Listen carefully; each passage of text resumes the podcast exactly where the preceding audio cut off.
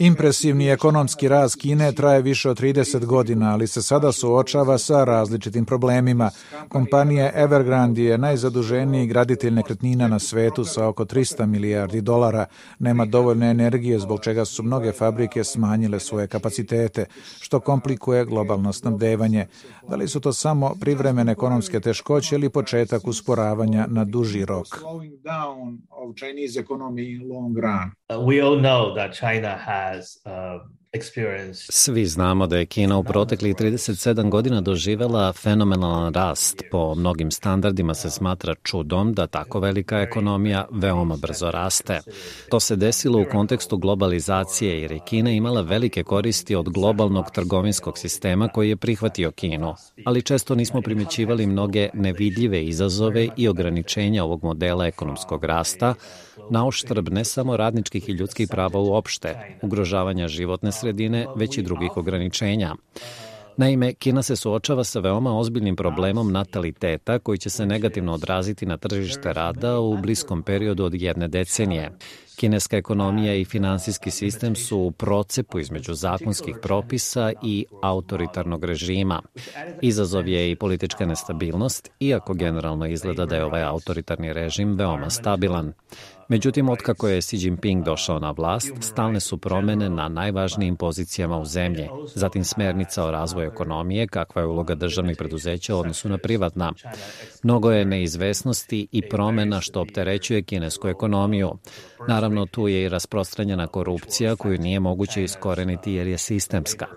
Stoga se, ako se uzmu obzir svi ovi drugi faktori, nije iznenađujuće da se Kina suočava sa mnoštvom izazova. Osim pandemije, rastu tenzije u njenoj trgovini sa drugim zemljama, sve su zategnuti diplomatski odnosi sa, na primer, Australijom, Sjedinjenim državama, Kanadom i još nekim državama. Kineski ekonomski rast je pred novim iskušenjima – To pokazuje primer Evergrandea, zatim nastojanje komunističke partije Kine da kontroliše tehnološke gigante, zbog čega rastu troškovi kompanija.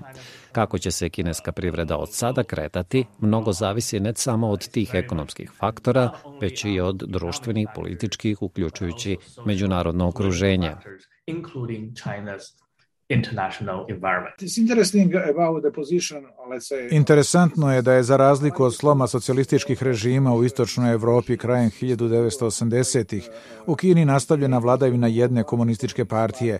Da li se to može objasniti strahom većine građana da se usprotive ili u pitanju nova vrsta društvenog ugovora koji je podrazumevao odustajanje od dela političkih sloboda radi ekonomskih koristi i mogućnosti poslovanja, u čemu je tajna and the possibility of doing businesses. Uh, what was the secret? Well, I think there's no secret. It was a, a quite... Mislim da nema tajne. Bio je to sasvim jasan sporazum lidera komunističke partije Kine, Deng Xiaopinga, sa narodom nakon krvavog obračuna sa demonstratima na Tiananmenu i širom zemlje u junu 1989.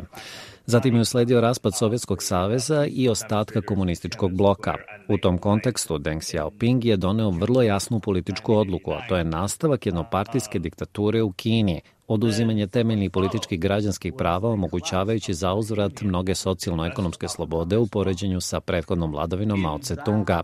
Na taj način je energija naroda usmerena u ekonomsku i privatnu zonu, a ne u javni politički život, da bi kineska ekonomija u kontekstu globalizacije zapravo iskoristila komparativnu prednost sa masovnom radnom snagom za dalju izgradnju komunističkog sistema, ne vodeći računa o pravima radnika, ekološkim standardima. Cilj je bio privlačenje stranih investitora koji su u suštini stvorili taj kineski model ekonomskog rasta koji je 90-ih i u prvoj deceniji 2000-ih bio impresivan. To je omogućilo njenu transformaciju od veoma siromašne nazadne zemlje okrenute k sebi nalik na 70. u kapitalističku ekonomiju u kojom je dirigovala država, prilično otvorenu za poslovanje sa ostatkom sveta. Kada je reč o građanima koji su izloženi ekonomskom nasilju i teroru, oni nemaju mogućnosti da traže politička prava i izgubili su poslednju nadu nakon masakra 1989. Ali za uzvrat, omogućeno im je da ulažu svu svoju energiju u privatnu sferu, u ekonomski razvoj, gotovo slobodnu zonu, u kojoj je uključena i vojska, tako da su svi angažovani u biznisu, upravljanju proizvoda, izvozeći ih i nekoliko decenija u ostatak sveta. U globalnom svetu, ova vrsta autoritarnog režima sa jeftinom radnom snagom, niskim ekološkim standardima, previsokom cenom po ljudska prava, snabdevala je sa najjeftinim proizvodima ostatak sveta i istovremeno postala veliko tržište za privlačenje stranih investicija. Nije tajna da je cilj kineskog modela smirivanje političkog nezadovoljstva, tako da ljudi koji se osjećaju beznadežno zadrže nadu da će se zemlje možda sa ekonomskim rastom na kraju postepeno politički otvoriti. Dakle, to je bila opšta situacija tokom čitavog perioda do 2012. kada je trebalo da se promeni kinesko rukovodstvo. Tako da su, osim socijalno-ekonomskih, sve se snažnije čuli i glasovi za političkim slobodama. To je čak počelo i da podriva samopouzdanje komunističke partije Kine i njenu sposobnost da zadrži vlast.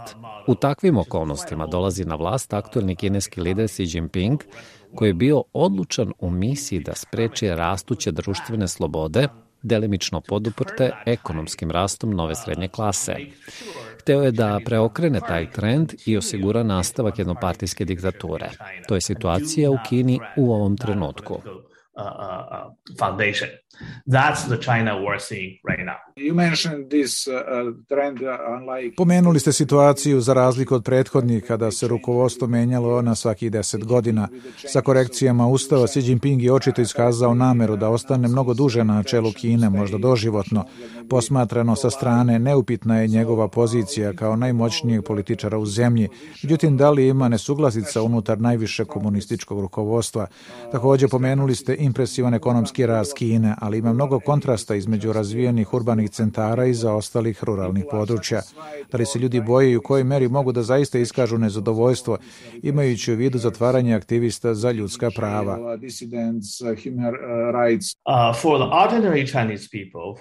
Za obične građane, naročito mlade, s obzirom na impresivan ekonomski rast u poslednjih 30 godina i nacionalnog ponosa koji dolazi sa tim, kineska država izgleda moćno. Ali njihov svakodnevni život je veoma stresan sa snažnom konkurencijom i gotovo beznadežan u smislu uspeha u kineskom društvu, jer nema toliko ekonomskih i političkih prilika za ovu novu generaciju.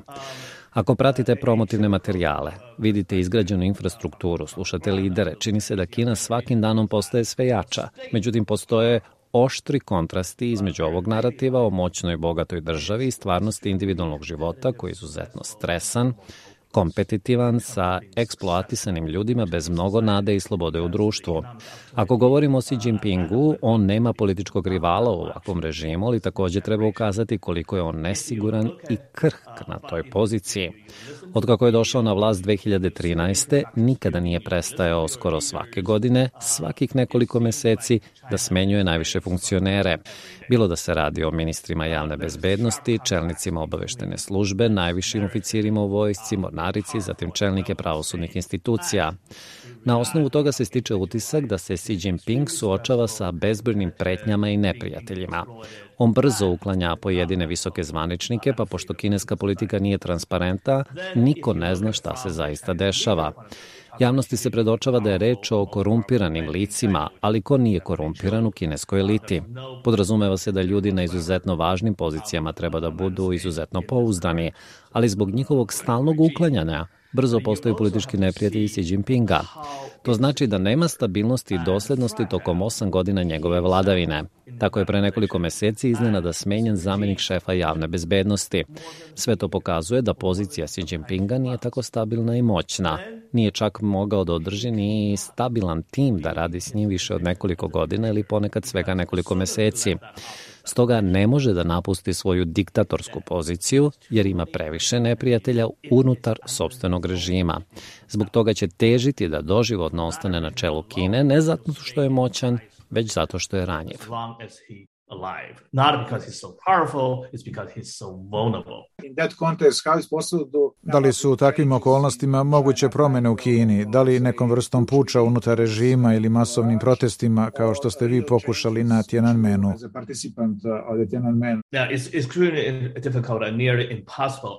Jasno je da je teško ili skoro nemoguće u ovakvom režimu osigurati bilo kakve promene. Xi Jinping kontroliše sve poluge moći, vojsku, policiju, obaveštene službe do propagandnog aparata kao što je internet, dakle sve kanale i poluge moći. To režimi u Kini rade već hiljadu godina, od dinastije Jing do Mao Tse-tunga. Marginalizovao je kolektivno rukovodstvo, odnosno politbiro komunističke partije, tako da šest članova ovog tela nema ni približnu moć kao on. Dakle, ovakvom režimu je skoro nemoguće da se stvori suštinska opozicija unutar komunističke partije, a još manje u društvu zbog policijske, zatim kontrole interneta i drugih kanala komunikacije. To nemogućava bilo kakve masovnije mirne proteste građana.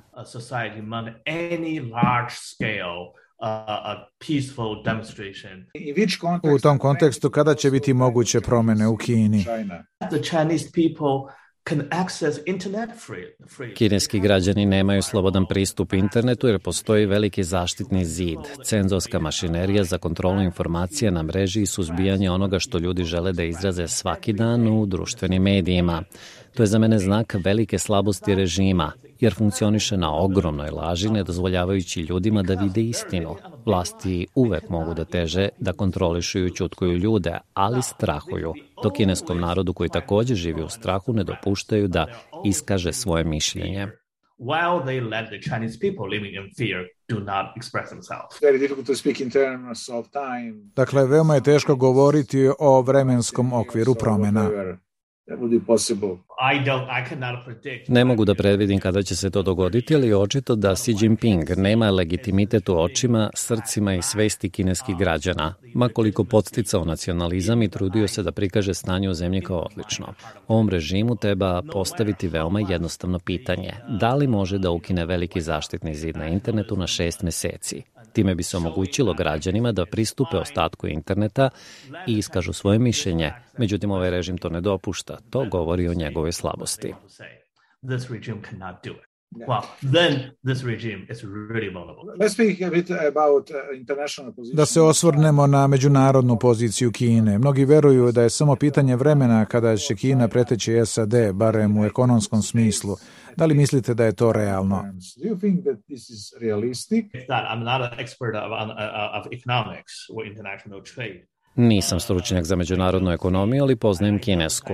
Ona ima veliki obim. I ne samo to, kineski tehnološki sektor ima mnogo impresivnih inovacija na svetskom nivou. Kina i Sjedinjene države zapravo se takmiče za tehnološku dominaciju. Kina ne zaostaje mnogo za SAD-om u mnogim oblastima, u nekim čak ima i vodeću ulogu. Međutim, kineski režim, uključujući ekonomsku strukturu, jeste ranjiv. Xi Jinping takođe veruje da je kineski model superiorniji od zapadnog demokratskog u smislu upravljanja društvom. No to što se naziva kineskim modelom, to je u suštini totalitarno društvo, duga vladavina dinastija, potom komunističke partije. Dakle, taj model prikriva stvarnu činjenicu da je svaki Kinez samo podređen partijskoj državi. To znači da je država na prvom mestu, zatim partija, onda osoba koja je predvodi. Sve ostalo, sloboda građana, njihovo dostojanstvo, blagostanje je marginalno. Ali Xi Jinping veruje da je taj model superioran – Privredni rast u poslednjih 30 godina koristi da opravda takvu viziju ne samo prema domaćem stanovništvu, već da ostvari dominantni uticaj na ostatak sveta, da se nadmeće sa SAD-om i drugim zemljama, ne ekonomski, nego politički, što znači dva različita modela upravljanja društvom. Jedan je autokratski, drugi demokratski. Veliko je pitanje ko će tu pobediti. U svakom slučaju i ekonomski i tehnološki veštačka inteligencija, nova generacija digitalne tehnologije, Kina ne samo da sustiže, već dominira u određenim sektorima. Ovo digitalno nadmetanje u velikoj meri će definisati u kakvom ćemo svetu živeti u narednim decenijama ili čak duže. Zato i prisustvujem forumu 2000-ih u Pragu, jako online, da prenesemo ovu poruku sa ostalim demokratama iz drugih zemalja kako bi osigurali da ljudi koji dele ove vrednosti rade zajedno i izgrade snažan savez u cilju odbrane od rastućeg uticaja kineskog digitalnog autoritarizma. This expanding influence of Chinese digital authoritarianism. China tries to increase its... U međuvremenu Kina jača svoju armiju. Tajvanski ministar odbrane rekao je nedavno da će Kina biti sposobna da izvede sveobuhvatnu invaziju na Tajvan do 2025. godine, opisujući trenutne tenzije kao najgore u poslednjih 40 godina. S druge strane, Xi Jinping je nedavno obećao građanima ujedinjenje sa Tajvanom. Da li će se Peking odlučiti na vojnu akciju protiv ovog ostrava? I think that there is a real uh, uh, danger for it. Mislim da postoji realna opasnost. Xi Jinping ima svoju domaću političku agendu, a to znači da mu je potreban neprijatelj ili pitanje koje bi učvrstilo njegovu moć da upravlja zemljom, posebno u vreme krize i unutrašnjih izazova. Ako Kina nastavi da jača, a njegov položaj ostane stabilan, on osjeća da ima mandat za širenje njenog uticaja, te da vojnim ili mirnim putem povrati Tajvan. To bi bila najbolja potvrda njegovog uspeha. Međutim, ako postoji unutrašnji izazov, na pomalo je politička ili ekonomska i društvena kriza, tada on ima još više razloga za takvu akciju. Naime, povratkom Tajvana pod okrilje Kine, Xi Jinping bi očuvao svoju poziciju. Dakle, iz dva razloga. Bilo da je pozicija Xi Jinpinga slaba ili jaka, Tajvan je u opasnoj situaciji.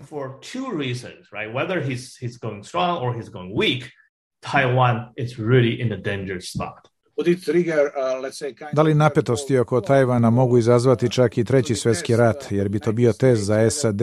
Da li će dozvoliti Kini da interveniše? Naime, Tajvan očigledno ne može sam da se odbrani. Da li će mu SAD pripomoći u savezu sa Australijom i Japanom?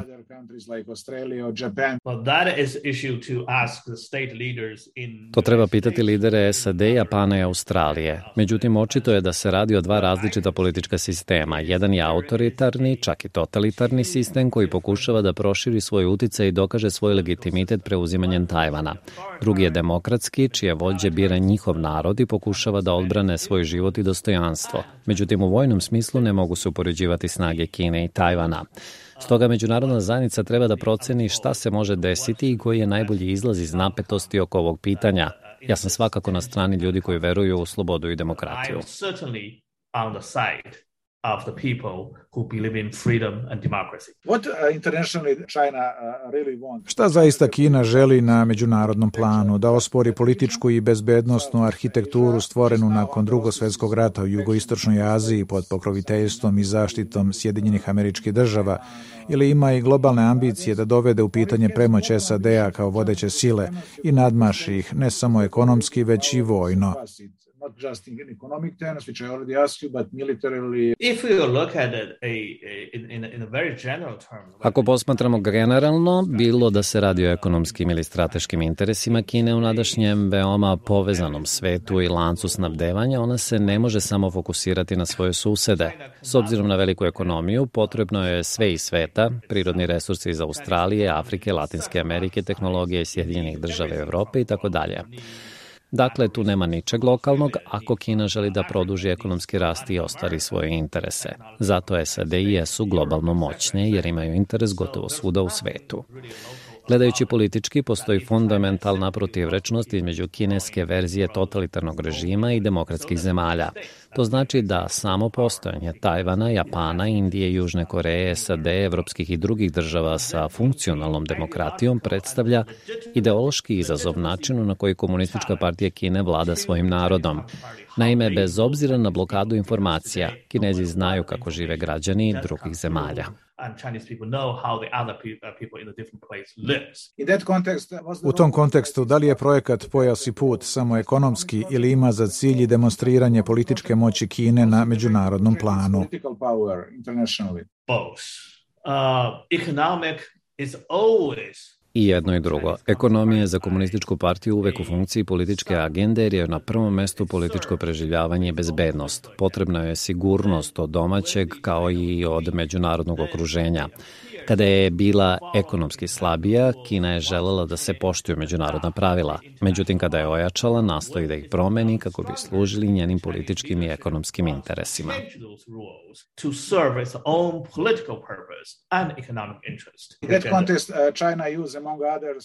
U tom kontekstu Kina koristi dužničku diplomatiju, uključujući na Balkanu, sklapajući netransparentne aranžmane sa korumpiranim vladama o investicijama. Kasnije te zemlje poput Crne Gore upadnu u dužničku zamku sa opasnošću da čak ostanu bez delova teritorije.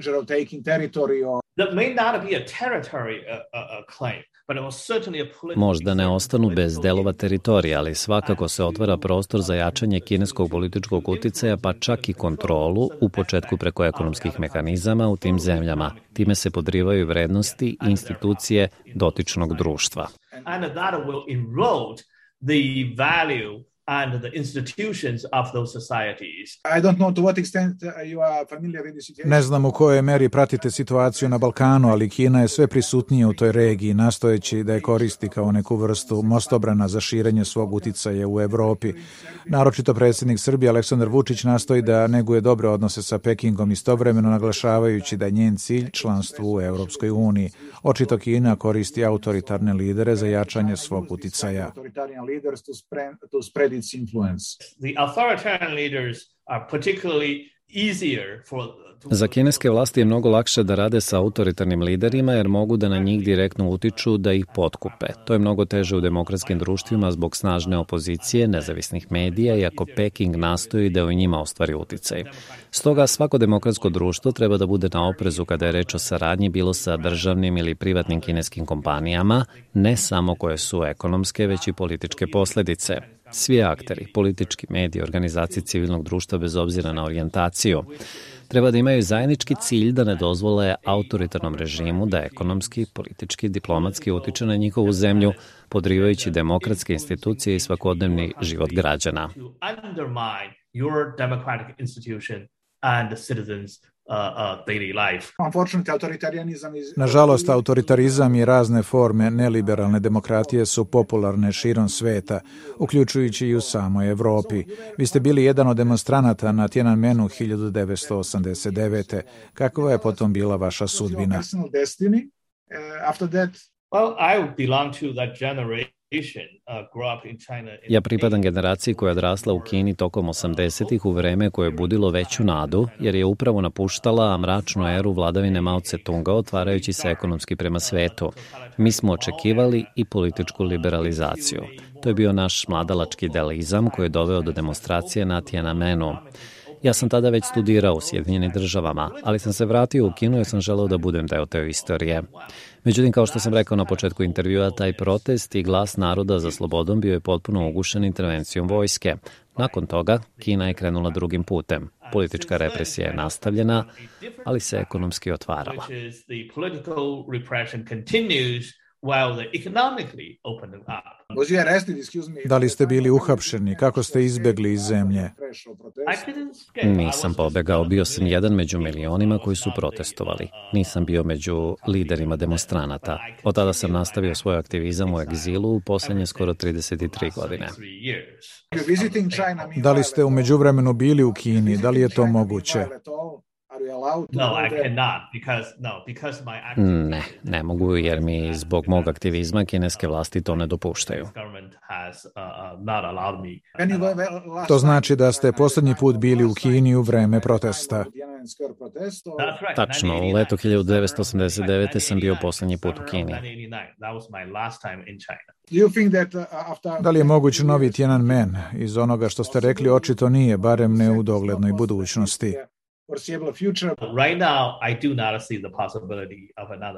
Za sada ne vidim mogućnost novih protesta nalik na Tiananmen. Ne mislim da se promenila ljudska priroda u Kini.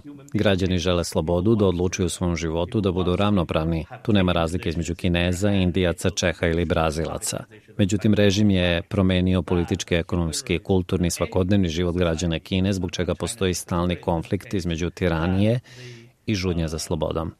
Zato nikada ne gubim nadu u mogućnost slobode za građane Kine. And I will never lose that hope for China and Chinese people for freedom.